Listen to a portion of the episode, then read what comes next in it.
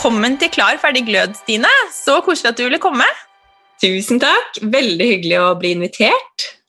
Veldig veldig hyggelig å se deg også. Nå er det så lenge siden, og det er masse, masse som har skjedd siden vi så hverandre sist.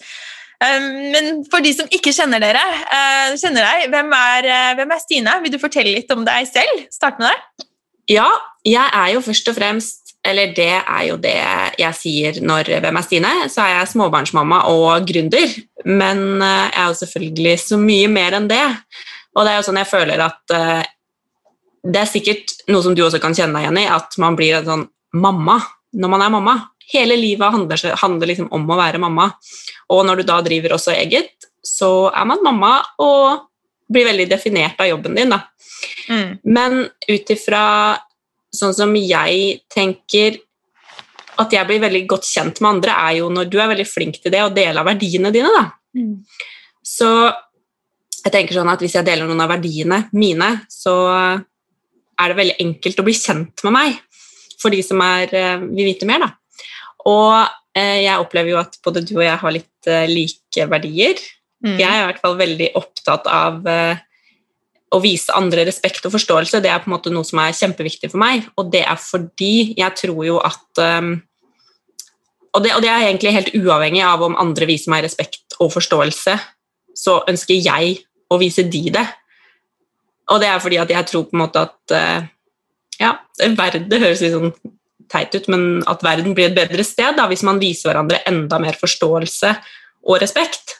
Jeg er helt enig. Det er jo skikkelig Michelle Obama, Stine. Det er sånn uh, When they go low, we go high. Ja. det, er, det, er, det, er, faktisk absolutt noe som gjør verden til et bedre sted, vil jeg si. Ja, så det er på en måte noe som er liksom Jeg jobber jo med det hele tiden, fordi det er jo det er jo ikke enkelt å alltid vise forståelse, men det er på en måte som alt annet da, en sånn kontinuerlig prosess. da. Mm. Og en annen ting som det er jo på en måte de verdiene mine som jeg har hatt hele tida, er sånn at man skal være ærlig, lojal, ikke sant? ekte. Men etter hvert så har jeg blitt mer sånn opptatt av eh, også det her med tilgivelse, da. At man på en måte skal eh, tilgi uansett, egentlig. Og det er for min egen del, men også for andres del. Da. Det er jo ingenting som Ingen som får noe godt ut av å gå bære nag eller holde grudge til noen. Mm. Så det er jo litt sånn i forhold til hva jeg har opplevd også. At jeg syns det, det, er veldig viktig for meg da, å bearbeide ting og ja, be om tilgivelse eller gi tilgivelse eller hva som helst. da. Kanskje ja, og det handler jo også om å ta ansvar, og, og ta ansvar for sin egen velvære. Og slippe ting som ikke gagner deg. Uh, uansett, ikke sant? Det å gå og tenke mye på ting som har vært, det Ja, og det er jo, Uansett om det handler om mat eller forhold, eller hva som er, så er det jo liksom, vi kan ikke gjøre noe med det som har vært. da. Vi må også tilgi oss selv for de tingene vi har, de valgene vi har tatt i fremtiden, altså i fortiden. Og så kan vi bare gå videre uh, og gjøre det bedre derfra nå. Mm, jeg er helt enig. Og en kanskje ja, siste ting da, som jeg føler at jeg er, fordi det er litt sånn spørsmålet ditt er sånn hvem er Stine? Ja. Og det er sånn Oi, det er et stort spørsmål, ja, det egentlig. Det. Så det er sånn kjempevanskelig å svare på. Men jeg er jo også først og fremst en rollemodell for barna mine, da.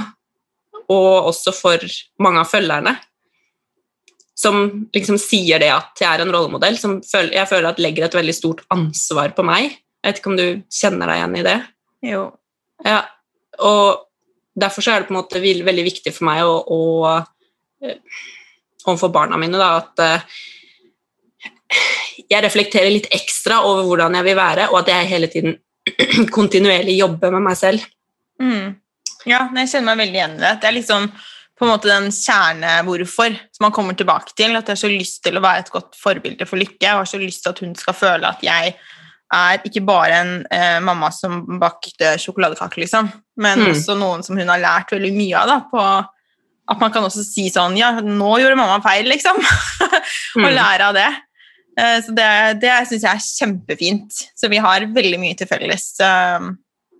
Og, og masse mer enn det her òg. Ja. ja, det har vi. Og en annen ting da, som jeg syns at du er kjempeflink på, og det er jo også en, av, en, en ting som jeg føler at jeg er, og det er jo å være raus.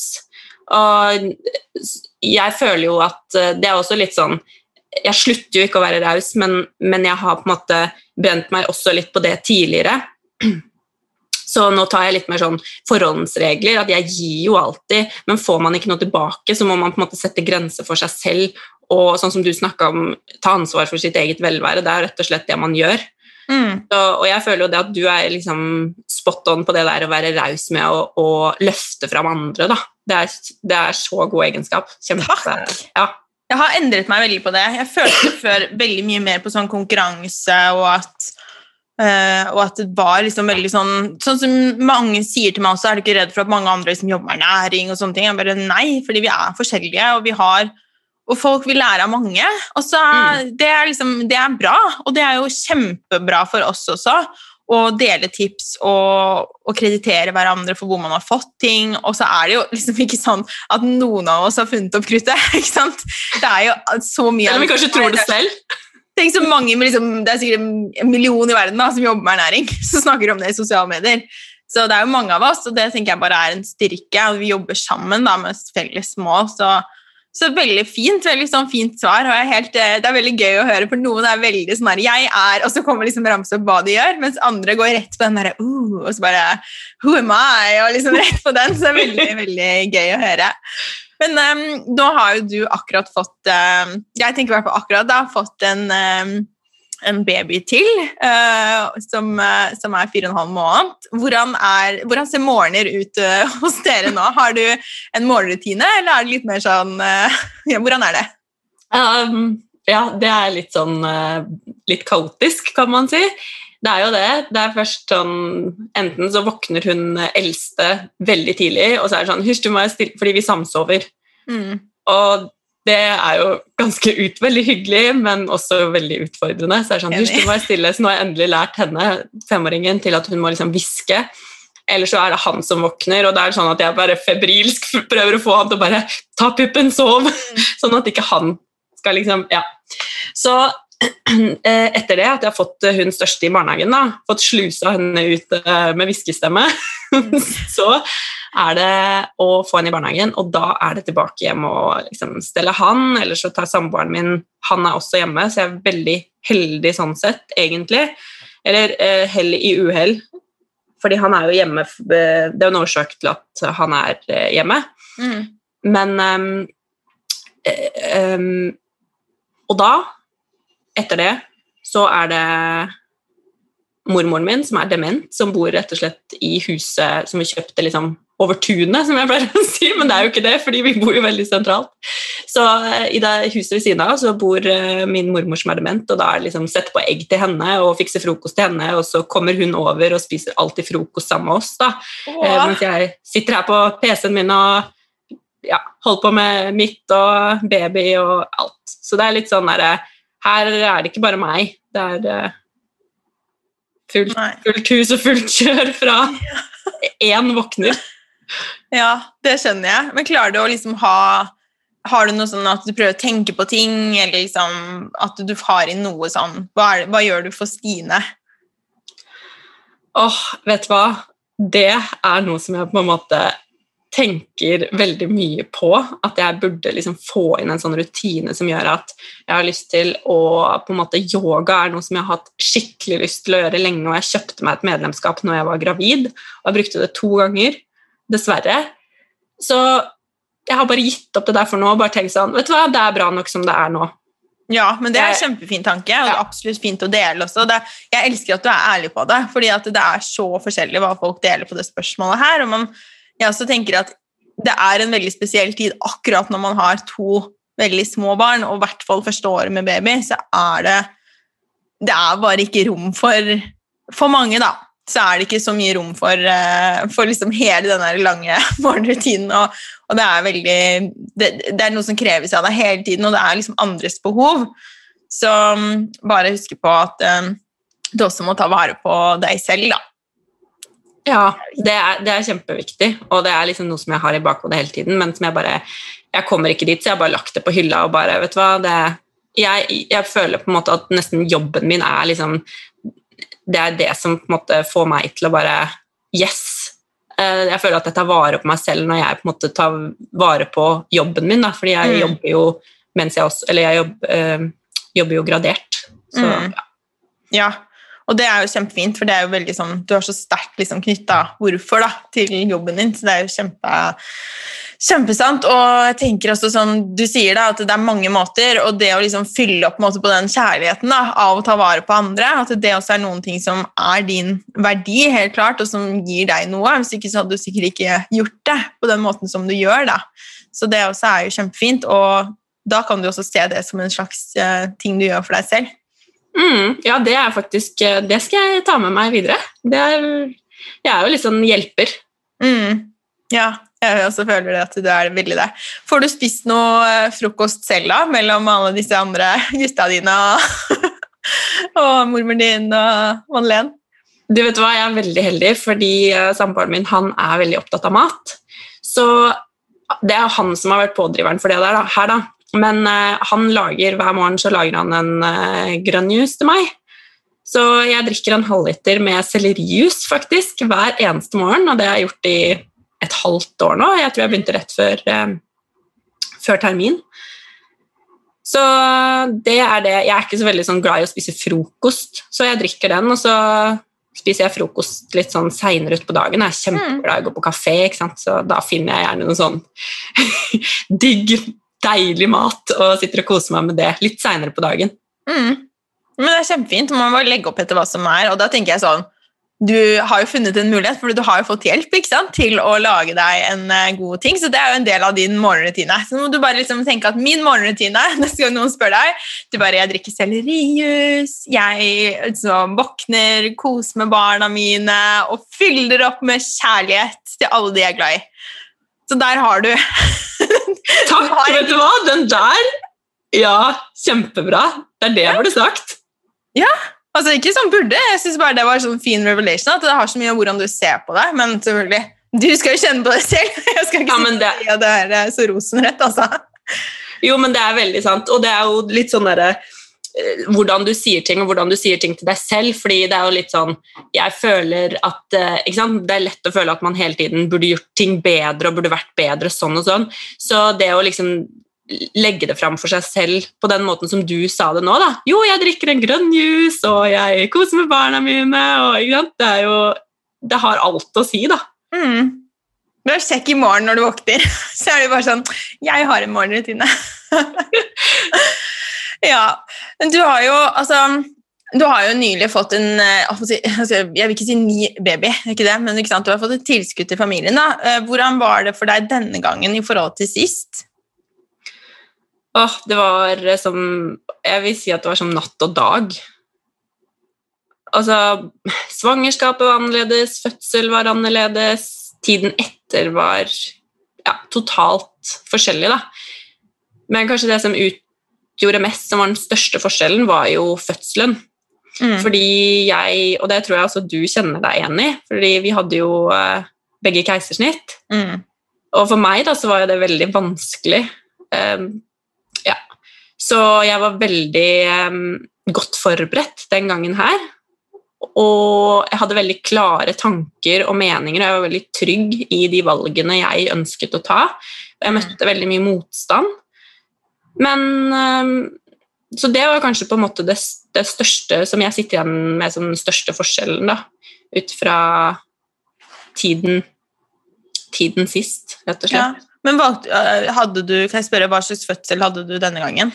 Vaginal. Så jeg var vaginal. veldig Ja, og det er jo litt sånn eh, men de ville jeg... at du skulle føde de, men altså Du fikk råd om å, å ha keisersnitt, eller? Nei da, jeg, nei, men jeg gikk, gikk, så lenge over tida. Jeg gikk eh, 16 dager over.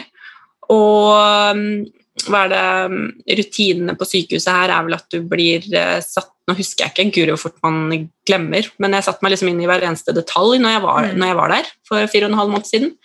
Men uh, de ville jo i hvert fall uh, vurdere å sette meg i gang på dag ti, mm. eller elleve. Det var det samme som sist.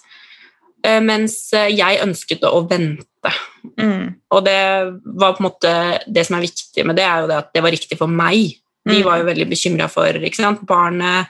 Um, I verste fall så er det liksom død fødsel. De er, det er jo det de er redd for. Ja. Jeg skjønner jo på en måte deres bekymring, men det er litt sånn Ok, fram til termin så skal du lytte til kroppen, du skal lytte etter liv, og etter det så skal du hva, hva hva da? Bare overgi deg til alle andre som er utenfor kroppen din? Mm. det er jo Jeg vil jo liksom tørre å påstå og si at eh, vi som bærer barnet, kjenner, Mm. kjenner på det best. da. Hvis man Ja. er liksom litt i kontakt med Og det var jeg ikke første gangen i det hele tatt. Når jeg fødte datteren min for fem og et halvt år siden. Jeg, det er så mye som er forandra på den tida. Mm. At det er liksom Det er nesten som et annet liv. Mm. Jeg syns også det der er veldig utfordrende, og, og jeg ble også satt i gang sist eh, fordi jeg begynte å lekke fostervann. da. Så da var det jo litt sånn, Jeg vet jo ikke hvordan fødselen min hadde blitt hvis jeg hadde fått liksom ett døgn til på å bare få komme i gang. Jeg hadde jo sånn bitte, bitte små rier. Det var sånn, liksom, den mildeste menssmerten du kan tenke deg. Og de var sånn Nei, det er liksom ingenting. Og da tenker jeg, hadde jeg liksom fått et, eh, en dag til, pluss at jeg fikk jo panikk når jeg fikk sånn du blir satt i gang. det røk jo liksom ABC-klinikken. Og da ble jeg jo helt sånn, jeg gikk jo hjem, jeg drakk lakserolje, jeg hoppa på sånn ball. altså Jeg var helt sånn Må sette i gang fødsel! altså sånn, How not to do it? Så jeg tenker liksom at det er og jeg kunne i hvert fall sagt sånn Hvis jeg kommer inn og tar en test om jeg har noen infeksjon, kan jeg, liksom, kan jeg få et døgn til? liksom. Jeg spurte ikke det engang. Jeg ble veldig sånn der, Å ja, men dette er, da må det bli sånn. Så jeg tenker det er bare det å liksom ha, tørre litt å stille et spørsmål og liksom, ok, men hva skjer hvis og Fordi det er så mye som er på rutiner, og det er jo kjempefint at det er rutiner, fordi det redder liv. Men også som du sier, at det må være lov til å liksom være sånn Dette er min kropp, da. Så um, det er kjempefint å høre at du har fått en mye bedre opplevelse denne gangen. Eh, akkurat det der er jeg helt enig i. Det med å stille spørsmål det var det jeg gjorde, og jeg fikk ikke, de, altså jeg fikk ikke svar. Jeg, no, jeg følte at jeg ikke fikk noen gode svar på hvorfor. Mm. Så det er, det er kjempeviktig det du sier der. Bare still spørsmål. Det er lov. Ja, det er lov å stille spørsmål. Så det vi også skal snakke om mye, da, er jo dette med barnemat. Det er jo det at veldig mange er veldig interessert i, og så veldig mange av mine følgere lurer veldig mye på dette med barnemat. Og du, Stine, er jo en veteran innen barnematverden, og utrolig kunnskapsrik. altså Både med kunnskapen og med liksom det praktiske, da, som jeg føler er vel så viktig. eh, eller viktigere. Eh, og så er du gründeren bak eh, Bare bra barnemat, som jeg føler er liksom the shit da, innen barnemat i Norge, hvis det er lov å si. Vil du dele hvordan, altså, hvordan startet det her for deg med barnemat? Hvorfor, hvorfor, når ble du interessert i det? Takk, det der var jo veldig fine ord, da. Um, jo, hvordan det starta Jeg kan hoppe, hoppe rett til det. Ja, da. Det starta med at jeg fikk barn, og det føler jeg at det er litt sånn Sånn starter det for de fleste. Og jeg får barn, og så blir jeg mer interessert i Hvis man allerede er interessert i ernæring, eller hva man spiser, da, så starter det jo som oftest der. Og jeg tenkte sånn, jeg fikk spørsmål husker jeg, på babysvømming om fordi jeg jobba jo med ernæring, jeg jobba med kostholdsveiledning da, så de som kjente til meg fra før og da, når, Man tiltrekker seg jo andre som har barn når man Å ja! Spesielt første. ja, spesielt første, da. Så alle begynte liksom å spørre sånn Å, hva kan jeg gi? Og eh, de po ferdigposene, hvordan er de?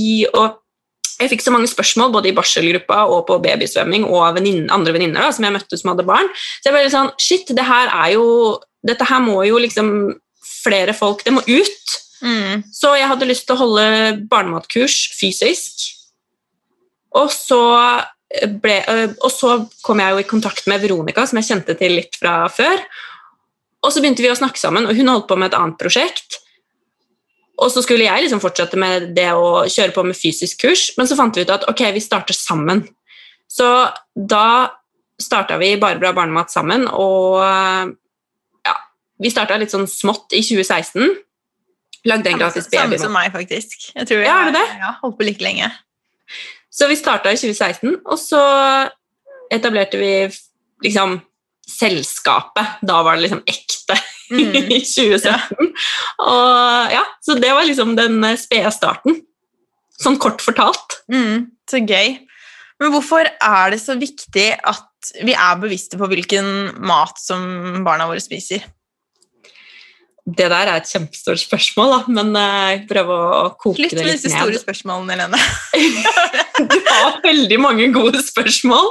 Som liksom, jeg er liksom som kan prate veldig mye, så jeg prøver liksom å få, Ja, få det ned. Komprimere det. Ja, komprimere det. Um, ja, hva sa du? Hvorfor er det så viktig at vi er bevisste på det vi putter i, i foran barna våre? Hva, av mat, liksom. Hvorfor skal vi tenke på det? Ja. Først og fremst så tenker jeg jo at det er jo fordi vi har vi er de voksne, og det er vi som har ansvaret. Altså, vi har ansvaret for å tilegne oss den kunnskapen som gjør at vi kan gi barna våre det beste utgangspunktet for ja, et uh, sunt, langt, friskt liv. Mm. Det handler jo ikke bare om å overleve, det handler jo om å, å leve og ha det bra. Ja, to thrive. Det fins ikke Ja. noe sånn bra ord, men det er liksom den derre at du er sånn Lever og bare oh, har det bra. Ikke sant? Så vi har jo et ansvar helt fra start med å gi de gode vaner, og jeg er ikke så opptatt av egentlig sånn enkeltmåltider og ikke sant, sånn 'Å nei, kan jeg gi det? Jeg gjorde det da.' Det er ikke så farlig. Det er mer sånn eh, Jeg tenker sånn at vi må løfte blikket litt og tenke hva er det som er viktig, og det er jo faktisk å gi barna våre gode vaner, fordi vi skal jo lære dem at de skal ta valg etter hvert når de blir eldre. Sånn at i hverdagslivet så må de jo ta Det er de valgene som utgjør noe, så vi må lære de å ta gode valg helt fra start, rett og slett. Mm. Ja, det er kjempefint, og jeg elsker at du tør å si det også, at det er vårt ansvar, og det er liksom akkurat som du setter deg inn i hvilken liksom, pose som er best, og hva slags vintersko man skal ha, og sånne ting. Så det er liksom det der med mat, da, det er, det er så viktig. Så jeg elsker at du, at du snakker om det, og, og setter det på agendaen. Men jeg opplever jo selv å, å få litt motstand når jeg snakker om barnemat. Hvorfor, altså, møter du på motstand når du snakker om uh, dette, Stine? Nei, aldri. Aldri. jo, vet du hva, det er jo noe som vi har møtt på egentlig fra start, og i begynnelsen så tok jeg det veldig tungt. Jeg ble veldig sånn ikke sant? Du får kanskje 100 positive, og så får du én negativ, og så henger du deg opp i den ene negative. Den Mm. motstand, den, det som du på en måte tar som kritikk. da. Men jeg har jo prøvd å tenke en del på det, og jeg tror det handler om at vi fort får dårlig samvittighet.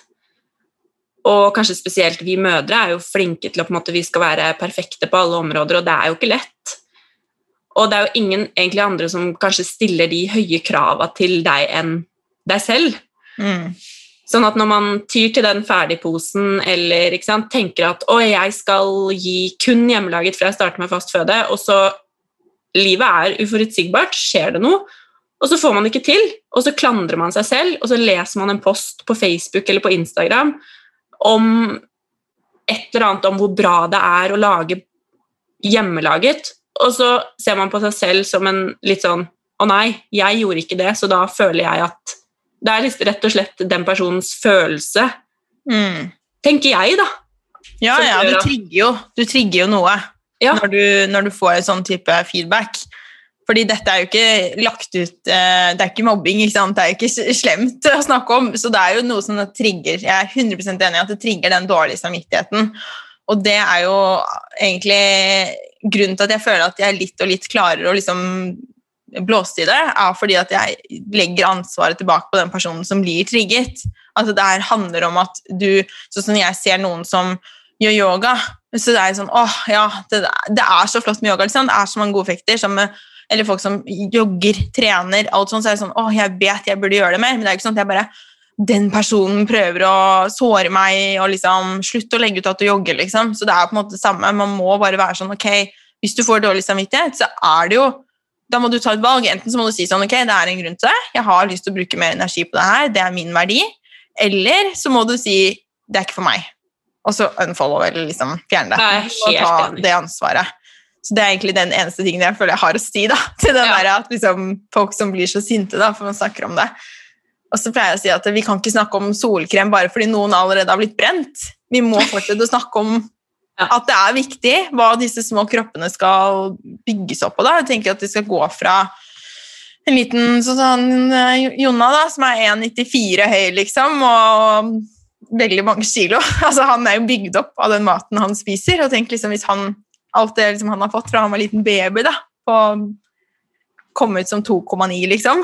Er, ja, herregud. Det er masse som skjer. Ja, det er jo så mye som skjer første, det første året mm. og de første åra. Ja. Og det er litt sånn morsomt akkurat det der du sa om den der dårlige samvittigheten. At man må på en måte enten ta det til seg eller legge det fra seg. Da, eller det du sa der.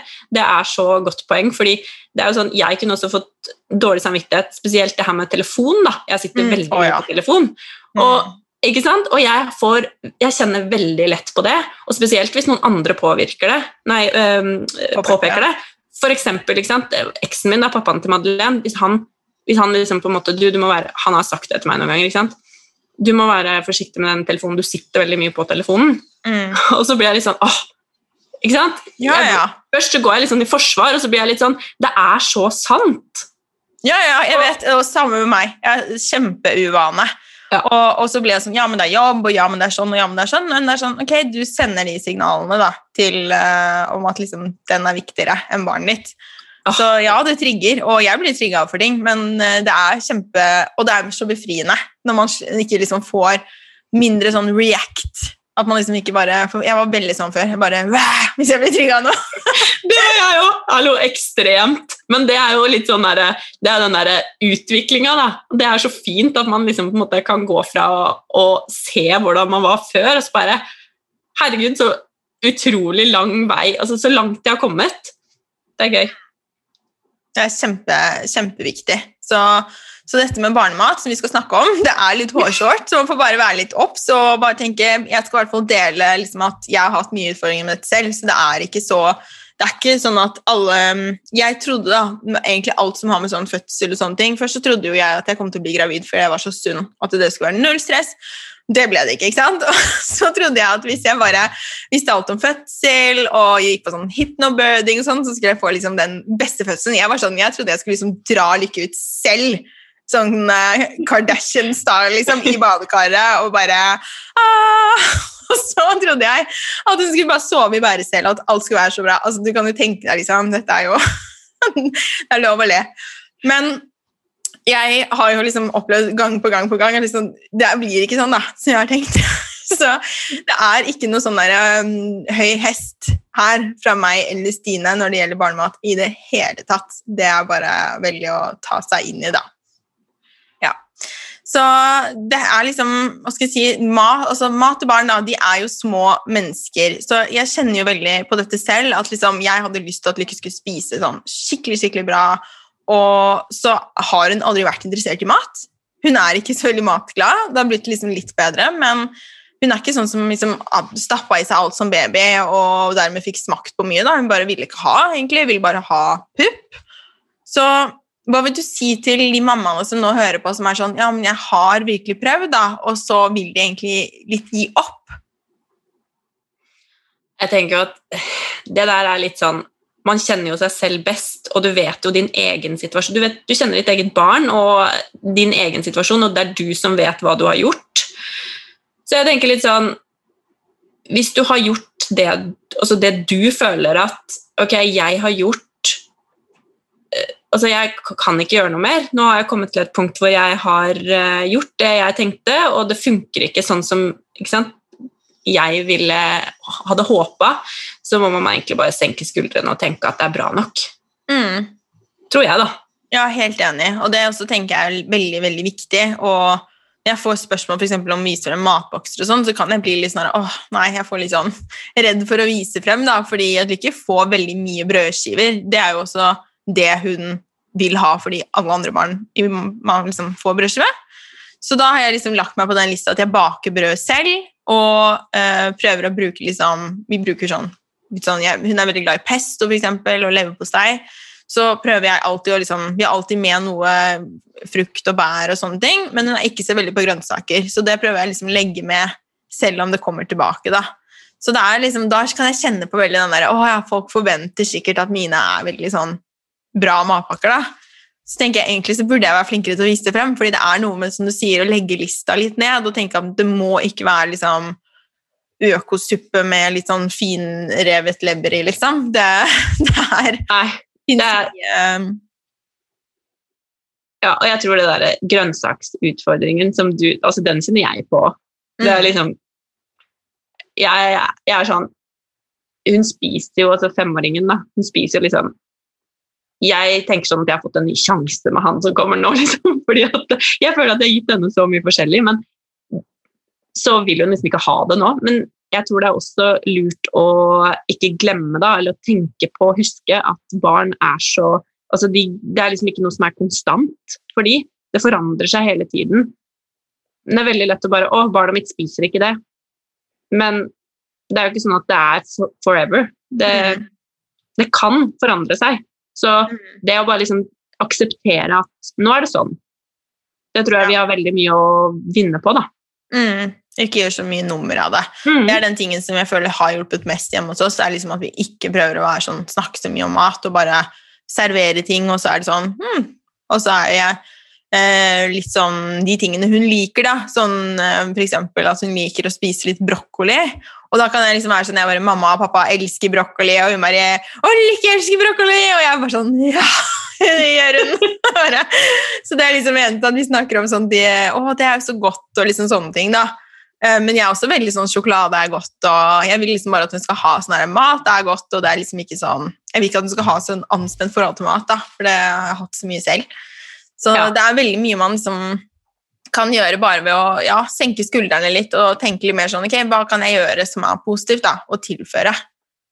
Ja, jeg er helt enig, og det er litt sånn Jeg er jo der nå at datteren min er fem og har begynt å Snart er det bursdager, og hun begynner å liksom snakke om at hun vil ha hun har jo ikke fått altså Jeg har ikke kjøpt noe kjøpeis til henne, og det er fordi at vi spiser ikke det selv. Og det har ikke vært naturlig. Jeg har ikke kommet i en setting hvor jeg på en måte har blitt utfordra nok på det, sikkert. da. Men nå mm. begynner hun å prate om det. Og da tenker jeg litt sånn Ok, du får bare Ja, det er helt greit. Mm. Hun snakka om det her om dagen. Hun bare Ja, vi har sånn med Nonstop på. Og jeg bare Ja, det for andre så høres det sikkert helt merkelig ut ikke sant? at en femåring ikke har smakt kronis, kanskje. Men hun har jo ikke det. Og... Men jeg kommer jo ikke sant? Sånn som du sier, jeg kommer jo ikke til å si liksom, nei, du får ikke det, og det er ikke bra for deg, de tilsetningsstoffene. Jeg kommer jo aldri til å si noe sånt. Nei. Jeg tenker Det beste er jo liksom å være en modell selv med alt som er bra, og så vil det så Det også prøver jeg å si til de som sier sånn at får ikke til noe, liksom ikke ha noe sunt. på en måte. Så det som bare det at det er grønnsaker på bordet, vil faktisk gjøre en forskjell når hun blir, eller han blir litt eldre. Og at de liksom husker tilbake til at ja, men liksom, jeg er vokst opp med det, mine på en måte folk da, mm. spiser dette. Så plutselig så kommer det, og ikke da liksom hvis barnet spiser jeg husker veldig selv, da, for jeg var veldig kresen som barn. Så hvis jeg da hadde plukket opp og smakt noe, så hadde det blitt sånn Å, herregud, liksom! Se Helene spiser altså, Det hadde blitt sånn nummer av det, og det syns jeg var helt forferdelig. Så bare det også er sånn så mange ganger sånn Hvis hun smaker på noe, så sitter jeg bare sånn der, og jeg og Jonna er bare sånn Ikke se på henne! Ikke se på henne! det liksom sånn, det er så gøy. å sette på seg sånn Å, så gøy å smake, og litt sånn, men bare jo mindre liksom, mas, da. Så, men jeg er helt enig. Hvis du snakker litt om det med sukker og sånn også, men jeg tenkte vi kunne gå litt inn på sånn hva som er litt måte, råd, da, sånn, eh, for de som eh, gjerne vil ha, ha disse liksom, litt mer konkrete rådene. Um, så tenkte jeg vi kunne snakke først litt om baby, for det er på en måte én kategori. litt sånn Første maten og sånn, og så barn. Hva tenker du om det? Ja, det høres ja. bra ut. Mm. Mm. Så det er jo liksom det store spørsmålet først. da, Hvis man har en baby nå som skal begynne med mat, når er det du tenker at babyen skal begynne med mat? Altså, anbefalingene er jo for de som fullammer, så er det jo seks måneder. Og nå er jo han min han er jo fire og en halv måned, så jeg har tenkt, jeg ammer jo, så jeg har tenkt å vente til seks måneder. Og det er jo da hvis mor og barn trives med det. Og vi trives med det. Så da, da, er det seks måneder, og det er det som er anbefalingen, og det er det jeg anbefaler. Men hvis du gir morsmelkerstatning, så kan du starte før, og da kan du starte ved tidligst fire måneder. Mm. Og det er jo kjempefint, for da får jo barnet forskjellige smaker. Morsmelkerstatningen har jo bare én smak, mens morsmelken tar jo smak av det mor spiser. Så da får jo barnet ulike smaker hele tiden. Mm. Så det er, det, som, det er veldig viktig å tenke på hvis du gir eh, morsmelkerstatning, da. Ja. Det er liksom alltid det der man skal tenke på, forskjellig. Og jeg opplever jo at veldig mange sånn, sier til meg at ja, men babyen min liksom, jeg lurer på om babyen min kan sove bedre, enten om jeg gir en flaske med morsmelkerstatning på kvelden, eller at jeg begynner med mat når babyen er sånn tre og en halv, fire måneder. Da. Hva tenker du om det? Å starte med mat for at barnet skal sove? Mm. det er jo en sånn typisk myte, da, vil jeg si. Mm. Fordi eh, fordøyelsessystemet trenger jo tid på å modnes, og det, anbefales, altså det er jo anbefalt å starte med fast føde tidlig på dagen, og ikke Det er jo noe som jeg hører, det du sier der med, med ikke sant? Kan jeg starte med grøt på kvelden, fordi jeg tror barnet mitt trenger mer eh, mat, og da kommer det mest sannsynligvis natta til å bli bedre. Mm. Også, men det jeg også får tilbakemeldinger om, er jo det at eh, sant? jeg trodde at Så jeg gjorde det. Starta med sant, mat på kvelden. Men eh, det funger, had, fungerte mot sin hensikt. Og det er jo sant, da sier jeg, ja, det er fordi det er jo egentlig en ganske stor myte, da. Mm. Som lever i beste velgående. Ja, jeg er enig. Det er det jeg pleier å si også. Jeg tror ikke det blir bedre. Men, um, men jeg skjønner jo veldig godt at man har lyst til å få bedre netter. Det er jo det man Altså. At man leter desperat etter løsninger på det, det skjønner jeg veldig godt. Jeg er jo midt i det selv. Så, men eh, det er jo, han min er jo også kjempeurolig på kveldene. Jeg, får, jeg blir helt gal, for jeg får liksom ikke en kveld for meg selv. Og det handler jo altså Han finner ikke roen på kvelden. Han ligger ved puppen og styrer og ordner.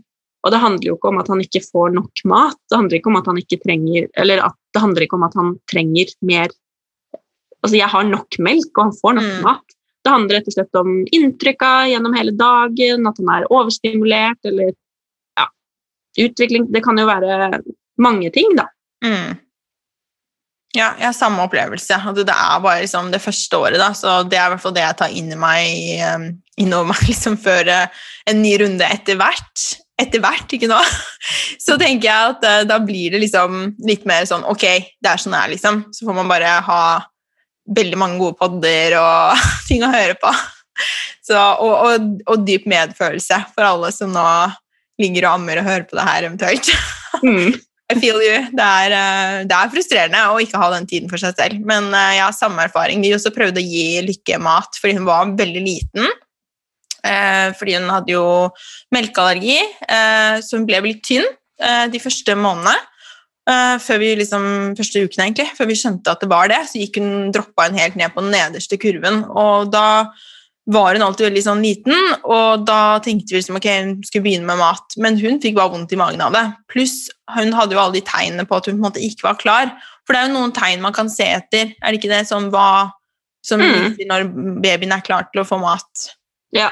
Jeg føler at dette kan jo du også, så det blir jo litt sånn Men Ja, ja. men jeg, de andre vil høre det, og du sier det mye bedre enn meg, Stine. Jeg er ikke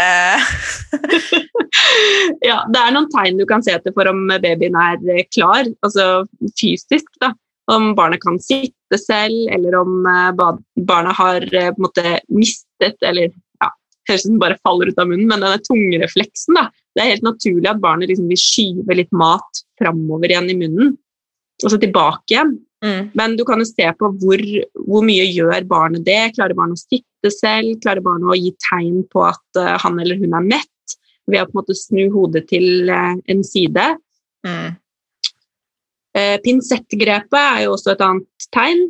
Klarer barnet å plukke opp mat og føre det til munnen? Og så er det jo andre tegn som at er barnet interessert i mat, Mm. og Ja, nå sto det litt stille. Var en Eh, ting Det jeg ja, på. det er vel de. Jeg føler sånn som Vi hadde ingen av de. Hun bare pusha maten ut igjen. Hun kunne sitte, men hun gikk jo når hun var åtte og en halv måned. Så jeg føler Oi. det var et dårlig, dårlig tegn på like måte. Altså, det var ikke en bra parameter. Og så øh, var hun ikke interessert i mat. ikke det hele tatt. Hun ville bare ha pupp, og det ville hun jo faktisk nesten frem til hun var ett år.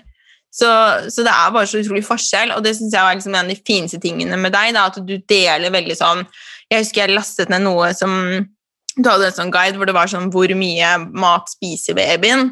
Eh, og så var det bare masse mammaer, masse sånne sitater, og det var så forskjellig. Og jeg bare var sånn Åh, det var så deilig å lese da, for jeg følte at alle liksom bare hva er det du har med? Jeg kom med sånn, så liten boks, liksom sånn, det var virkelig to teskjeer hun kunne spise i løpet av et måned, mens andre bare stappa ned en hel avokado. liksom, Så det var, sånn, det var så deilig da, å bare høre det. Det der tror jeg er kjempeviktig å få fram, fordi at uh, man sitter liksom med en annen Man ser på andre i barselgruppa, eller ser på andre venninner, og så lager man seg en sånn fasit, og det fins ikke en fasit, fordi de er små mennesker. de er liksom, Se på meg og deg, og, altså vi er så forskjellige som personer, og mm. de er jo like forskjellige altså Hvert barn er jo unikt. Så ja, det er kjempeviktig, det der, din eh, erfaring der, da. Mm. Ja, det syns jeg var veldig sånn fint, og, og, det hjalp meg også å slippe litt den der uh, Alt jeg skulle gjøre, at jeg måtte liksom være så perfekt. Da, og bare se at liksom, det er så forskjellig. Og når jeg virkelig det var det som hjalp meg aller mest. En var å tenke sånn Det går over. Alle perioder med baby liksom går over. Og det husker jeg jo fortsatt nå, når vi har perioder hvor hun sover dårlig. Og sånn. Og så er det det å liksom bare tenke sånn det, det, som gjør at jeg og mitt barn har det bra, det er det viktigste. Og pappaen. At man liksom ikke skal tenke på så mye annet. Ikke være så veldig sånn og alle andre bare Du må gjøre sånn, du må gjøre sånn. Og bare Nei, liksom. Det, du kjenner ditt barn best, da. Da, sånn, da bare begynte jeg liksom Jeg ammet henne jo i søvn kjempelenge. Hun sov jo masse med oss, og liksom alle de tingene som jeg følte mange var sånn Du burde ikke gjøre det. Mm. Og liksom lage uvaner og sånn. Jeg var sånn Jeg må ha det bra nå! så bare kasta bort alt av det der, og ja. Så det er eh, Ja, det hjalp meg veldig mye. Så bra. Det er jo så mange Altså, det er velmenende råd, men uh, det er ikke alltid det passer like bra for uh, deg og dine. Nei. Og så starter jeg omsider da, å, å introdusere litt mat til Lykke. Og da eh, husker jeg veldig godt jeg var på helsestasjonen, så var jeg hos eh, legen. Uh, og så sa jeg bare sånn Nei, men vi, jeg gir ikke grøt ennå. Uh, og jeg er jo ikke imot grøt, uh, men jeg bare Hun var jo, had, har jo alltid hatt utfordringer med tarmen pga. den allergien, så jeg var sånn, tenkte at vi starter ikke med det, liksom. Og så Da husker jeg hun var sånn Du må gi grøt. Og så jeg bare Å ja, hvorfor det? Og igjen da stilte spørsmål, da, og burde være liksom veldig hyggelig. Så sånn, det er masse viktig næring og, i grøt, så man, det er bare grøt. Man må ha det. Altså, det var liksom virkelig legen på stasjonen. Og jeg bare Å ja, hvilke næringsstoffer da? Jeg bare Nei, altså, det er liksom jern og og så ble jeg liksom stille og bare ja, Masse annet som du må ha, som er bare grøt. Jeg bare Ja, ok. Og så skrev hun da i min journal på en måte, sånn 'Gir ikke grøt'. Akkurat som det var sånn 'røyker hasj'. Liksom, det var bare sånn skikkelig dramatisk. Hun bare 'Jeg skriver det opp til helse, så kan helsesøsteren snakke litt med deg om dette'. var sånn 'Gir ikke grøt', står det. Og jeg bare ok. Det var liksom så drøyt, da. Hva er greia med babygrøt? Altså, hva Må vi gi grøt? Altså, Det er helt sykt. Akkurat som liksom grøt er fasiten. Ja, ja. Du gjør det, så er det nesten sånn der, bekymringsmelding til ja, barnevernet. Det var skikkelig sånn jeg følte at jeg bare Ok, nå er jeg på liksom, prøvetid her på helsestasjonen. Ja, men Det var akkurat det samme med meg. Jeg ble også anbefalt uh, kjøpegrøt. Og så, ja. Men hva, hva er greia? Altså, hvorfor, er, hvorfor er grøt så sentralt i barnemat? Ja, Da kan man jo stille seg spørsmålet som du gjør, hvorfor. og det, Jeg tror jo nettopp det er pga pga. det jernet, at vi har hengt oss opp i at det er jernberika, og at jern er så viktig for det minste. Og det er jo det, det er jo ikke det, men du klarer å lage barnematen selv og få i barnet ditt nok jern og resten av de andre viktige næringsstoffene. Men jeg tror det egentlig henger litt Jeg fant jo den der spedbarnsboken. Mamma er jo sånn som tar vare på alt. På, liksom, eh, I dette tilfellet så var det jo bra. Jeg fant jo den spedbarnsboken fra 1985, det året jeg er født. Og der så står det liksom Nå husker jeg jo ikke ordrett, da, men det står liksom sånn eh, Nestlé hadde en sånn dobbeltside i den boka, og der står det sånn at eh, med vår store variasjon så vil vi være eh, være i stand til å gi barnet ditt eh, bedre variasjon enn det du selv vil være i stand til å gjøre. Og så står det også det med kjøpegrøt i forhold til jern, da, at det dekker på en måte eh, Jeg husker ikke ordrett, men det står på en måte at dette er liksom fasiten, på en måte. Mm. Jeg tror det henger igjen fra gamle Altså De har fått så innpass, den jernberika kjøpegrøten, så det har egentlig blitt litt sånn overført til at uh, grøt er liksom fasiten, og jern er superviktig. Mm. Ja, for det var jo det vi lærte på ernæringsstudiet. Det var sånn mat til spedbarn, sånn seks måneder, da. Eh, så er det liksom grøt og energi. Det er det man skal tenke på. Og det var basically det vi lærte. Så da er det jo på en måte svaret å kjøpe grøt, da. Da er det jo mm. greit, ikke sant? Ja. Men det er veldig rart egentlig det med altså sånn, Når jeg bare hever det opp på et nivå, at liksom hvorfor er på en måte ferdig pulver prosessert, ultraprosessert mat svaret for barna våre, når det er så ikke rådene vi får om å spise som voksne? Er ikke det veldig rart? Det er helt veldig Altså, det er jo så Det er så fjernt, egentlig. Fordi de skal jo over på vår mat. Det er det som er målet, og det er noe som jeg prøver på en måte å si hele tiden at barnet skal over på familiens mat. Det er ikke sånn at skal, barnet skal sitte og spise middagsglass med en annen smak eller grøt eller altså noe annet enn familien. Det er jo ikke det som er meninga. Mm. Så Nei, jeg, jeg, jeg, tror jo altså Skal jeg bare si det som det er? Jeg tror det er forferdelig store økonomiske interesser. Det er milliarder av kroner og mer til på å tjene på at du og jeg blir liksom hjernevaska mm. og tro at uh, kjøpegrøten eller kjøpematen da, til barn er løsningen. Jeg tror ja. altså, Det er veldig mye ligger der. Mm. Og at de har fått lov, at de har fått innpass såpass lenge. Det er liksom sånn som, sånn som du sier, da, at eh, når du sier liksom at eh, Hva var det du sa? Et eller annet go to i, når det gjaldt barnemat. Mm. Hjemmelaget barnemat. Altså, det er jo mange som er pådriver for hjemmelaget barnemat, men du finner ikke en så stor aktør som Nestlé, Semper eh, altså ja, you name ja, nei, Jeg har jo eh, sjokk liksom, når jeg går inn og ser hvor mange følgere dere som driver med barnemat har. Så er jeg sånn Hallo, liksom, hvorfor er ikke alle Det er jo nye folk som burde følge hver eneste dag. Alle som føder, bare uh, inn. Så det er jo kjempe jeg er helt enig, og det er liksom alle de kreftene. og så må man bare si, ikke sant, Hvis du hører noe og har gitt grøt, eller liksom har tenkt at jeg skal gi grøt altså, Eh, jeg har fått uh, sikkert sånn ferdiggrøt når jeg var liten. Det er veldig vanlig, liksom, det, er ikke, det, er ikke, noe du har gjort galt. Dette er det rådet vi får av myndighetene, av helsestasjonen, av mammaen din. sikkert, altså, Dette er rådene du har fått, så det er jo 100 du har fulgt de rådene i god tro. Og det er jo det som gjør oss to så utrolig provoserte, at det er liksom ikke noe valg. Og jeg, mm. sånn, jeg husker når Lykke gråt så mye, så fikk jeg time til å komme til fysioterapeut på helsestasjonen. Og de var sånn 'Bare ring hvis du vil ha en ny time.' Det var ingenting galt med Lykke. liksom. Det var sånn, Han fant ingenting. Men det, var liksom, det hadde de på en måte ressurser til. da, At hver mamma som bare hadde en baby som gråt mye, kunne komme til en privat fysioterapitime på helsestasjonen. Og vi hadde time med fysioterapeut, men ingenting på ernæring. Altså jeg bare, Hvorfor er det ikke ernæringskurs på hver eneste helsestasjon, hvor du får liksom vite dette er det du kan gi? og hvor det sies 100% som du kan blande, for det også er lov. Jeg føler veldig mange tenker at man må lage alt eller ingenting selv, da. og det er jo heller ikke sånn. Det er liksom bare Jo mer du kan bare gi barnet ditt vanlig mat, da, jo bedre. Og det tror jeg det må vi nesten trekke fram, fordi det prøver jeg å si ofte. Men jeg tror liksom at folk kanskje ikke alltid får det med seg. Det er kjempeviktig. Det er jo ikke alt eller ingenting. Det er jo ikke sånn at eh, jeg skal lage alt hjemmelaget, og eller jeg skal på en måte, jeg kjøper. Det er ikke sånn der divide der. Det er liksom på en måte De aller fleste de kombinerer. De lager kanskje mer hjemmelaget i perioder, og så kjøper man kanskje, og så mm. blander man. Ja, jeg er helt enig. Og dette med at det er ferdigmat altså Jeg veldig, liker ikke sånn å være sånn der, å, det er konspirasjonsteori. Jeg tror ikke det er det. Det er mer som du sier, det er bare det, er bare det med bunnlinja at det er så sinnssykt mye penger å tjene, og veldig mange som nå jobber veldig hardt da, for at det her skal være de rådene vi får. Så hvis man har lyst til å um, gi hjemmelaget mat, da, eh, og starte med det, hva er det vi skal tenke på? Hva er liksom det første du ville gitt som råd? Hvis du skal eh, gi hjemmelaget mat hva, hva du, skal, liksom, du, du har en seks måneder gammel baby, og du har lyst til å begynne å lage litt mat. Hva er det første du må tenke på? Hva må du tenke på?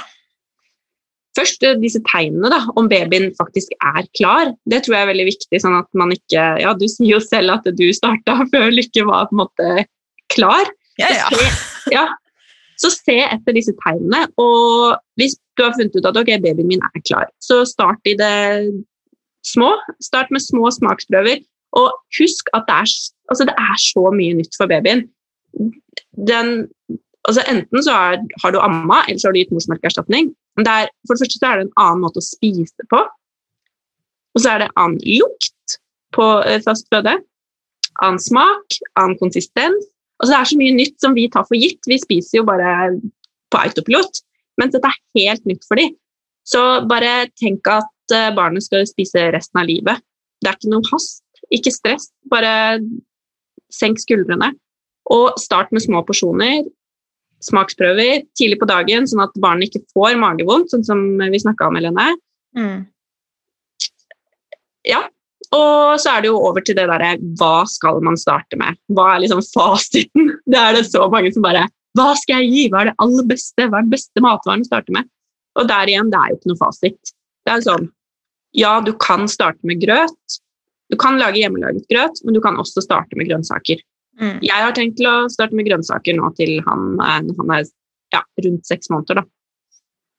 Ja, jeg synes det var veldig greit. Jeg tror det aller første lykkesmak det var liksom litt avokado som var most med morsmelk. Jeg syns ikke det var noe særlig. Hun er sånn Give me all the milk only, please. Men eh, så ga jeg en del søtpotet. Jeg pleide å Du vet sånn- sånne aprikoser, eh, sånn tørkeaprikos, det har jo mye jern. Så jeg kjøpte sånne som ikke hadde eh, Som var sånn øk. Da er de helt sånn brune. Og så kokte jeg det eh, sammen med søtpotet og litt kraft. Og det ble sånn nesten sånn søt, men også litt sånn kraftsmaken. da. Det syntes hun var veldig godt. Så det var liksom Lykkes favoritt. da. Det var det hun spiste mest av. Og så ga jeg litt eggeplomme, sånn bløtkokt eggeplomme bare. Det likte hun. Så det var liksom virkelig bare sånn veldig, veldig små ting, da. Og det, er, det synes jeg går igjen i veldig mange av de bøkene som er liksom det der enkle, at liksom veldig mange sier ikke sant, det er enkelt. Fordi jeg Mm. kompliserer det veldig, dette med barnemat. Og, og, og det tror jeg er fordi mange syns det er litt skummelt. Og jeg følte jo det selv også, at Lykke var liksom et sånn uskrevet blad. da, At jeg var sånn der, å herregud, nå skal jeg liksom begynne å påvirke henne. Men er det trygt å lage bare hjemmelagd mat, og bare liksom at du lager all maten selv? Ja. Altså, egentlig så har jeg lyst til å bare stille spørsmål bare sånn, er ferdig mat trygt? Ja, jeg vet. Jeg vet, jeg stiller et spørsmål, så vet jeg hva du skal svare. Men det, ja, jeg føler at det også har blitt en sånn derre greie, da, at vi er litt redd for å lage maten, og at liksom, er den bra nok, får de i seg det de skal ha da, og ja, jeg tenker Ja, jeg- som du sier. Ja, jeg føler jo egentlig at vi burde stille det spørsmålet mer til de som promoterer ikke sant? at man skal starte med et ferdigprodukt, da, et industrifremstilt uh, ferdigprodukt. Jeg føler at heller at vi foreldre burde stille det spørsmålet til de, bare sånn Er dette trygt? Mm. Og så bør vi liksom få noen gode svar, da, fordi at det, det å lage hjemmelaget er jo på en måte Det bør jo være det bør jo være det som på en måte er fasiten, og så burde det andre være et alternativ, ikke omvendt. Mm. Jeg er helt enig. En av de tingene som jeg fikk veldig sjokk av og lærte av dere, er jo sånn hvor prosessert den maten egentlig er. Fordi det er jo sånn veldig lett å tenke at, liksom, at grøten kanskje bare er sånn lettkokte havregryn liksom, som er malt, eh, og så er det litt jern i. Men det er jo veldig mye av det her er veldig veldig prosessert. Og også sånn som disse smoothieposene, så har jo til og med liksom, han ernærings... Eh, professoren som eh, han uh, drev han, som er liksom en av de mest sånn lite kontroversielle personene ever. Liksom. Han sa jo at uh, å gi sånne smoothieposer var som å gi cola til babyen. Liksom. Og når han sa det, da fikk jeg hakaslepp. Jeg satt hjemme og så det. For jeg ble helt sånn Når han sier det, er det rart at det liksom fortsatt anbefales? da? Det er jo helt drøyt, liksom. Så ja, jeg venter bare på at det her skal være over, jeg. At, um, marerittet og ferdig mat. Akkurat det der med poser, da, med disse smoothieposene, der føler jeg jo at det er på en måte litt mer sånn eh, opp i eh, opp, At det blir mer sånn ja, satt på dagsordenen, da. At det er en dessert. Det er liksom ikke noe du burde gi hver dag flere ganger om dagen. Det er et alternativ hvis du er på farta, eller Det føler jeg det er bra. Det er kjempebra at det på en måte kommer med at det blir mer eh, informasjon rett og slett om hva det egentlig består av. Fordi det kommer liksom flashy poser med ikke sant, fint design, veldig sånn naturlig, sånn der, godt stoff å ta i på posene, ikke sånn glatt. Det blir liksom Det er Jeg ser på det som lureri. Det er jo det det er. 100% Og det er jo også veldig veldig varmebehandlet. Så jeg husker det var en um, jeg kjenner som sa sånn, jeg gir alltid det etter mat, fordi da får den C-vitamin, og da tar de opp grøten mer. Og jeg var sånn Å, skal jeg si til henne at liksom, det er ikke C-vitamin igjen i den posen der, liksom. Det er så kokt, da. Det er sånn Ja, det er jo Jeg husker ikke grader og tid, men 40 minutter eller sånt, mener jeg har hørt at liksom det kokte i. Det er jo helt sinnssykt. Det er, ja, det er liksom, Du klarer ikke å koke og ødelegge maten så mye på kjøkkenet hjemme som det de gjør. Og Nei. da er det liksom Ja. Så, og det er jo en liten sånn balanse å snakke om det der med ferdigmat, fordi mange gir jo det. Og ønsker jo å fortsette å gi det. Og det er litt sånn Man kan jo ikke la være å snakke om det, fordi det er jo som det er. Men samtidig så tror jeg man bare må finne sin egen balanse på hva som fungerer akkurat der og da i den situasjonen man er i. Så man skal Mm. ikke liksom føle, føle seg dårlig hvis man gjør det, eller ja. Men jeg visste ikke det, ja, at det var så varmevannet. Så det er liksom det er bare noe med det at liksom, når man ikke vet, så tar man andre valg. Og så når man vet, så får man sånn Oi, er det sant, liksom? Og det er så mange ting som jeg har hatt skikkelig skylapper på før, liksom, som jeg har bare ventet og ventet og ventet med å liksom, ta tak i mitt eget liv. Så virkelig, liksom, det her er ikke det er ikke meningen å være sånn ovenfra og ned hvis noen opplever det sånn, fordi det er jo ikke det vi ønsker i det hele tatt. Men jeg vil bare få ut den informasjonen, fordi jeg selv ble sånn What? Når jeg lærte Mm. det her. Og jeg syns 100 at det er så fristende å bare kjøpe sånne poser, liksom. Det hadde jo vært superdigg hvis det var kjempebra. Og Lykke var jo sånn hver gang altså jeg, jeg kan ikke trille henne forbi den der reolen der liksom, uten at hun knabber med seg sånne poser, og så må jeg gå og legge de tilbake. Liksom, hun, hun vet jo at hun ikke skal ha det, for vi har aldri kjøpt det. så det, hun er ikke noe sånn, Jeg tror ikke hun vet hva det er, da, men hun syns de er tiltrekkende. Akkurat det samme gjorde datteren min. Gikk og hentet det. Hva, hva er det her når hun liksom begynte Før hun kunne snakke, nesten. ikke sant? Og det er sånn, Hvorfor står de, hvorfor er det sånne høye reoler som liksom går helt ned i barnehøyde ofte? da? Så hun også bare Og så syns hun ikke det er noe godt, for det Ja. smaker jo ingenting. Det er jo veldig sånn Alt smaker likt, og så hun har egentlig aldri Hun har fått smak på det før hos andre, og sånn, men hun har ikke liksom brydd seg, da. Så nei. Det er, eh, det er ikke så lett, men, eh, men jeg syns det er veldig fint at det kommer andre alternativer. og bare fremsnakke hvor liksom små løsninger man kan ta som gjør at det blir lettere da, å, å gi dem bedre mat. Så mm, Et eksempel på ting man kan gjøre, er jo også kjøpe sånne mm, smoothieposer som man kan bruke igjen og igjen. Det har vi eh, gjort. Og da får hun med av og til i barnehagen. Og det fins jo masse forskjellige sånne fine, fine sånne poser. Noen er jo sånne små bamser, og jeg vet at eh, ja, det er mange forskjellige merker da, som har bra sånne poser. Og da kan du fylle på selv og lage liksom smoothie én gang, og så fylle på liksom fem-seks poser og ha i fryseren. Så det også er jo et kjempefint alternativ som vi har brukt mye. Ja, det er jo veldig bra tips. Det er jo veldig overførbart til både middagsmåltider og førstesmaksprøver. Lag stort og frys ned lite, sånn at du Mm. bare kan ta opp. Og vi har jo sånn kombi, de fleste har kanskje det nå, sånn kombi kjøleskap og fryser, sånn at man liksom har det på kjøkkenet. Ja. Så bare enkelt å ta opp. Putt i stelleveska når, når du skal ut, eller liksom til matpakka, eller hva som helst. Altså, gjør det liksom lavterskel å lage hjemmelaget, fordi det kan det være. Absolutt. Når vi har liksom den minste babyen, da, det liksom, hvilke næringsstoffer tenker du at det er viktig at vi tenker på når vi har med de helt minste babyene å, å gjøre? Ja, det er jo sånn at jern er viktig, det er jo ikke tull, det. Nei, nei. Så jern er jo viktig, men også jod da, viser Mm. seg jo at det er noe som både gravide og vi kvinner og barn får i seg lite av. Så det å tenke på å inkludere hvit fisk eller egg, da har du jo noen gode jodkilder da, fra, rett og slett fra start, når du starter med fastføde. Kan Mm. være lurt. Ja, kjempelurt. Så det er, eh, det er de tingene jeg tenker er viktigst å tenke på. Og så er det jo det med smak. At vi på en måte begynner å bygge opp den matgleden. Har du noen sånn tips hvordan liksom hvordan, Har du noe sånn på variasjon? At man liksom gidder å Hvordan klarer du det å liksom gi, når du skal gi noe, da? Eh, til at du klarer å finne på forskjellige ting litt, da, sånn at man får forskjellige smaker? Tenker du på baby? Mm. Ja. Nei, da Altså, jeg har jo For det første så tenker jeg jo at jeg bare skal gi masse forskjellige grønnsaker. Altså ikke sånn Ja. Men grønnsaker i alle regnbuens farger, da. Det Mhm. er på en måte mitt tips. Bare varier grønnsakene. Fordi eh, ja, det er veldig mye variasjon i gode grønnsaker.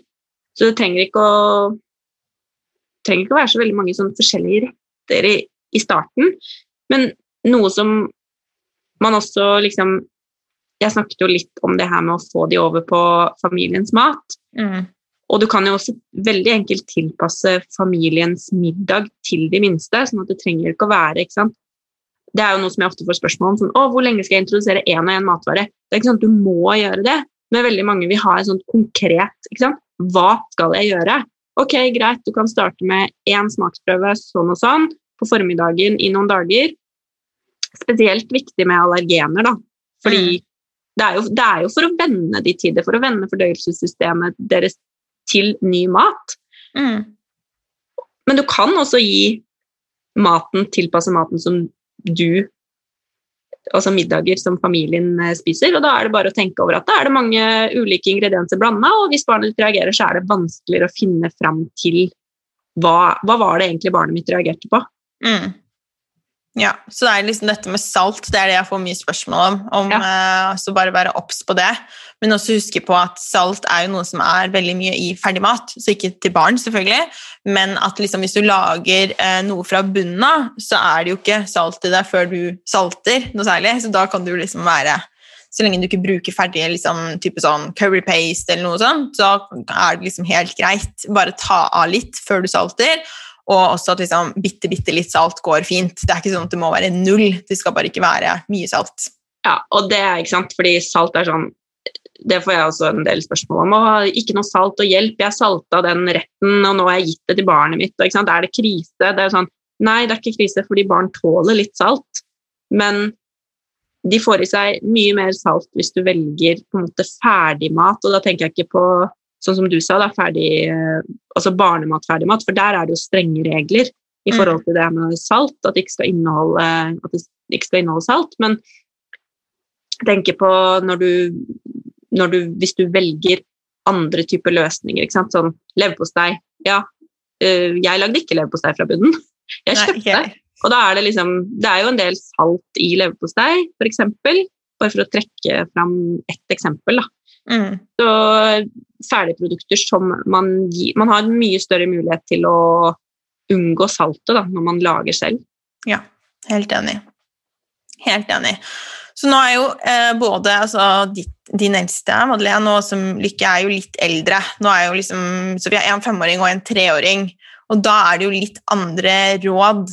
Hva, er det som, hva vil du si er liksom det viktigste å tenke på nå? Hvis du har hjemme nå og hører, og så har du barn som er litt eldre enn en baby. liksom. Det er ikke en baby lenger, selv om det er babyen vår. Tenker du på i forhold til ja, altså jeg ville jo egentlig bare sagt matglede. Mm. At det ikke skal bli en sånn uting ved bordet. Altså Så lenge de spiser, så lenge de følger sin egen altså, vekstkurve, så lenge alt er bra med barnet, så er det veldig få barn som liksom Hvis du er litt opptatt av kosthold, og det vet jeg jo at veldig mange av følgerne dine Helene, er, så tenker jeg sånn, det er ikke noe man trenger å bekymre seg for. Det er mer sånn kos dere, ha det fint ved bordet, snakk om andre ting. Det jeg gjør med datteren min, da, hun er veldig sånn Vil ikke ha det. Æsj. Hun har begynt å si æsj. Og det er sånn, det er greit. Det går fint. Vi har en sånn regel om at du må smake, og så alle smaker på maten. Jeg har smakt, ok, da er det greit. Så gjør jeg ikke noe mer ut av det, så prøver jeg bare å snakke om hvordan har du hatt det i barnehagen, og ja, Mm. helt andre ting. Jeg føler at det er på en måte det viktigste, og ikke liksom Mm. grave seg ned i detaljer når det gjelder akkurat det der. Ja, jeg er helt enig. Det er jo Det viktigste er at vi på en måte bygger opp sånn at sunn mat er noe som de blir vant til, og at det er noe som er rundt, at det er fargerikt, og at det er kanskje liksom være obs på det med suk sukker. Eh, og der også føler jeg at eh, Lykke er veldig glad i ting som er søtt. Eh, og det er jeg også. Jeg er alltid sånn godteri- over potetgull-person. Sånn at uh, det må bare være litt obs på det, sånn at jeg prøver da å gi henne mer liksom, frukt enn at hun på en måte får mer sånn sjokolade og sånne ting, da, selv om hun får sånne ting også. Uh, I liksom begrensede mengder. Så prøver jeg å liksom ikke være for sånn derre Nå er det sånn, så da skal vi få godteri, eller liksom vi skal kose oss med noen ting. Det er mer sånn hvis hun veldig gjerne vil ha is en dag hvor det er veldig fint vær, da, så kan hun få en is, og så er det liksom Å, da koser vi oss med det, istedenfor at det blir sånn at liksom, å ja, nå var du lei deg, så nå skal du få noen ting. Liksom, tenke litt på hvordan man snakker om mat også. Det, er, eh, det syns jeg er viktig når man har med litt eldre barn. For det, det er så mange som opplever å bli liksom, Vi bruker mat som trøst, og jeg som jobber da med voksne, da, eh, egentlig damer, jenter i alle aldre, så ser jeg det her er liksom noe som går igjen. da. Vi har veldig mange rare tanker rundt mat som er implementert fra vi er barn. Eh, og det, det er noe som jeg syns er veldig synd. da. Så det er viktig for meg å prøve å være litt mer sånn mat er mat. Ja, Der har jo du både egen erfaring fra du var liten, og at du jobber med det.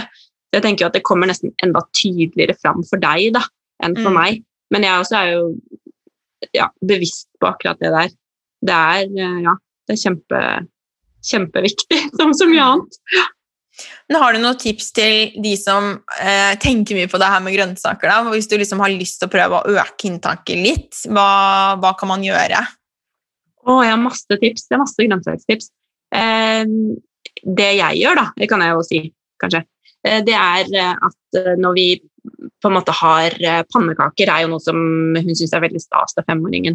Og det er sånn 'Å, skal vi lage rosa eller grønne pannekaker i dag?' Og så er jeg ikke så fokus på at det er rødbeter og spinat i. Det, mm. det kan du forresten gi fra barna er ett år, da. Men um, det er mer sånn gjøre noe gøy ut av det, da. Og med løk, f.eks. Hun hater løk, da, og jeg er veldig glad i å bruke løk i mat. Mm. Eller samboeren min, da. Nå skal jeg ikke skryte på at jeg.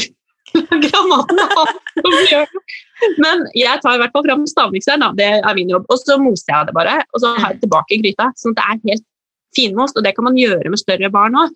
Det er ikke sånn at de selvfølgelig skal spise most mat, men du kan ta visse ingredienser som du vet at eh, de får helt marka og nekter å spise maten. Så bare kamuflerer du det. Mm. Det er, ikke, altså det er helt, helt, lov å kamuflere og bruke liksom matvarer og gjemme de bort. Fordi så lenge du også serverer det litt sånn at de ser det, hvordan det ser ut i sin opprinnelige form. Da. Mm.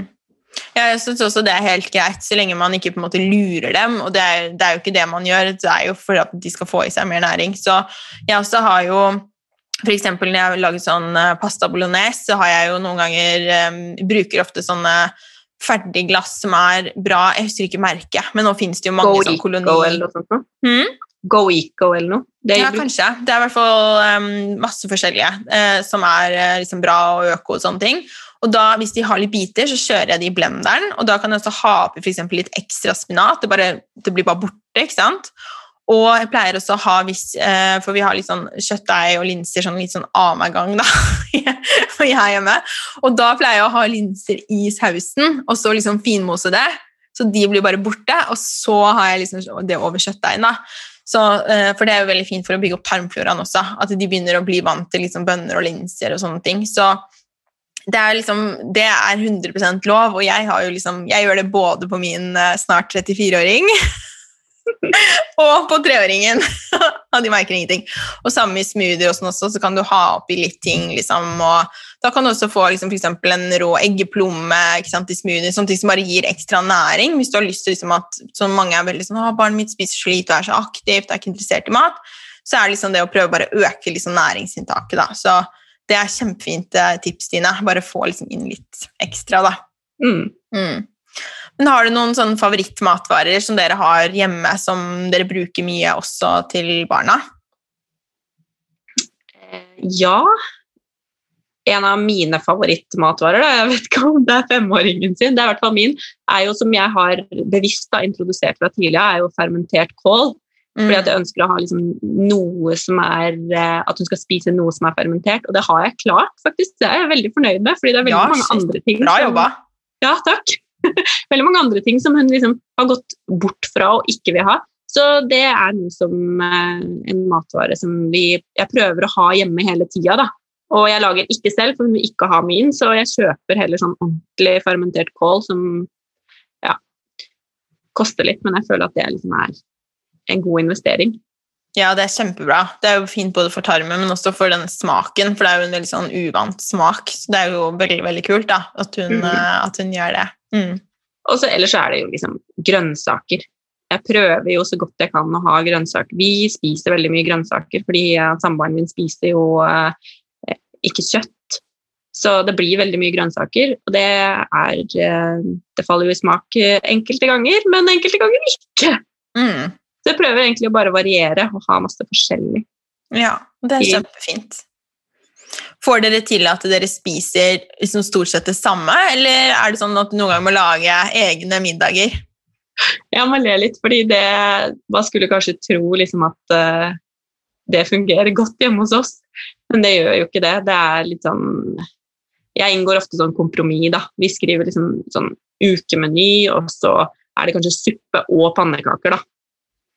At vi mm. liksom, Og så er liksom tanken at vi skal spise suppe først og så pannekaker, men hvis, det blir jo liksom at hun spiser pannekaker og vi spiser suppe. Eller liksom hvis det er uh, gryte, da, hvor alle ingrediensene er blanda, er ikke så glad i det, og da blir det sånn Ok, vi kan ha Ja, kan, kan, vi ha brød til? Ja, vi kan ha brød til. Og så blir det liksom bare sittende og spise brød. Mm. Sånn.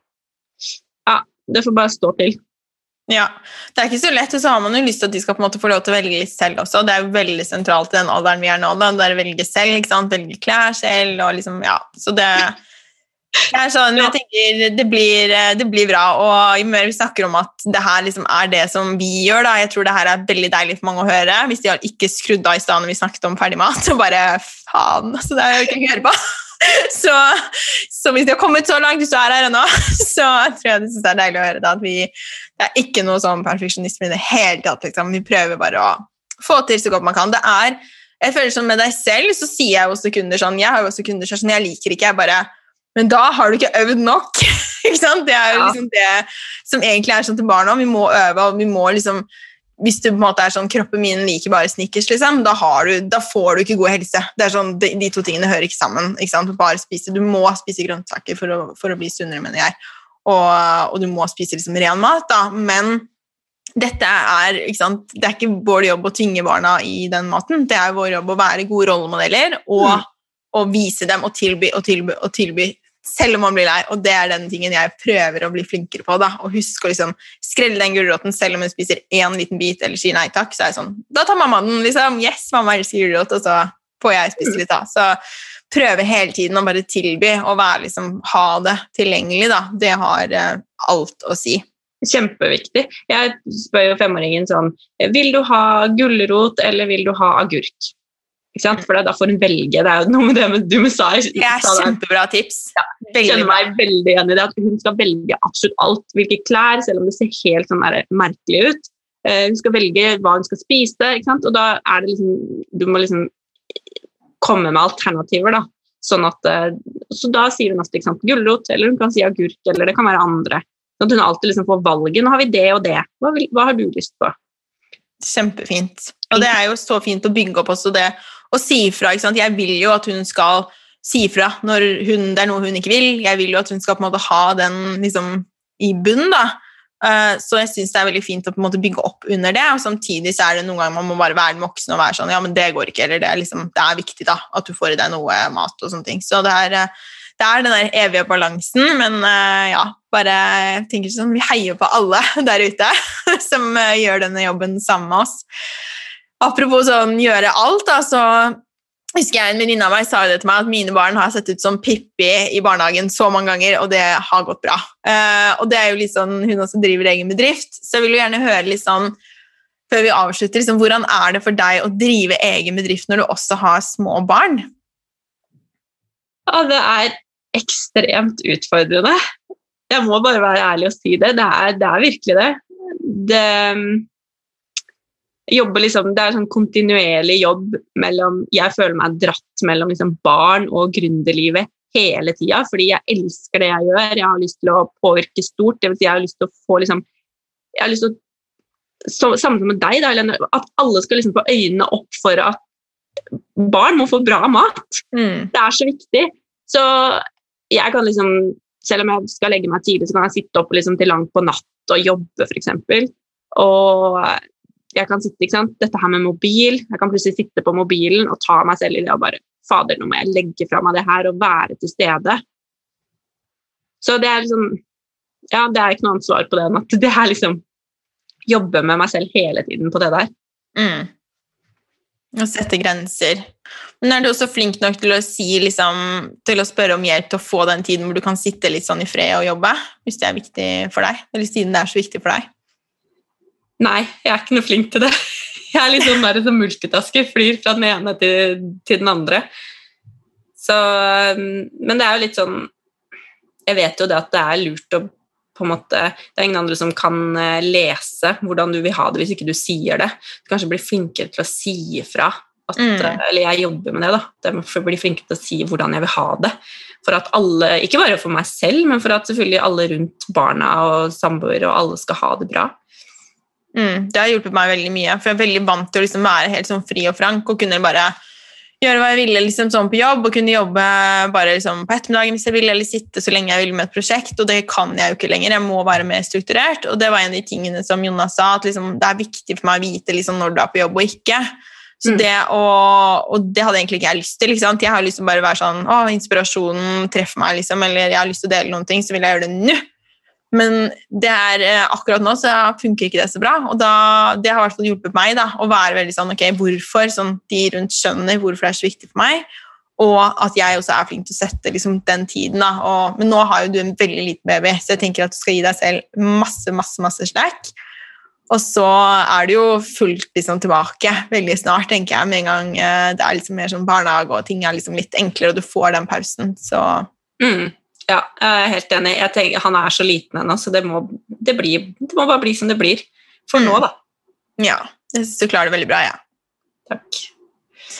Så helt avslutningsvis, eh, Stine, hva er det som får deg til å gløde? Eh, ja, jeg får veldig mye energi av å Jeg er som kafémenneske. Jeg får Ja, veldig ja. mye. Så, Altså, vi liksom, satt hvor mange timer på kafé liksom, når vi var der sist? Altså, før så, sant? Når jeg f.eks.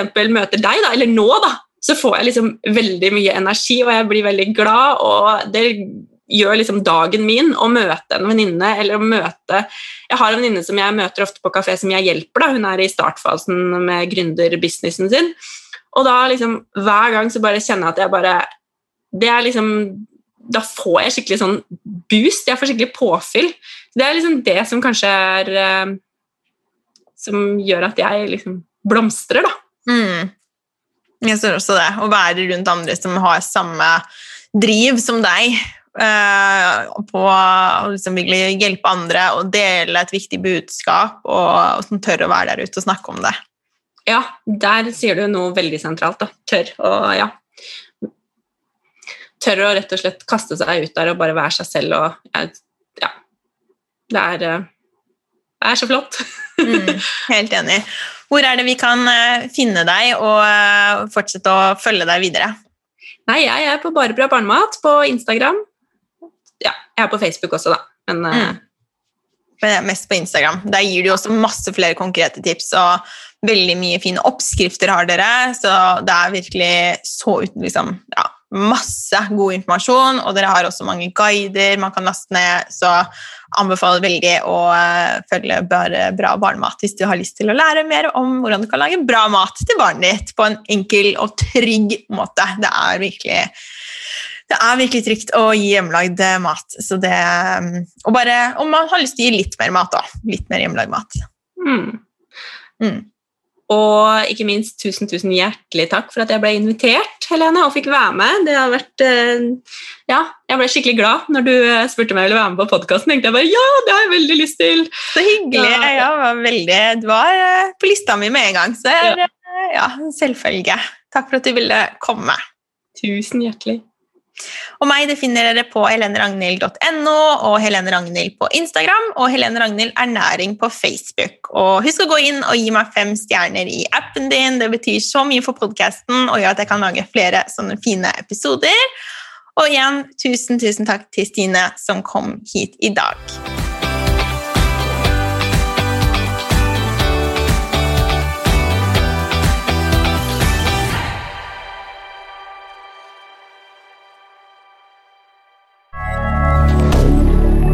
Moderne media.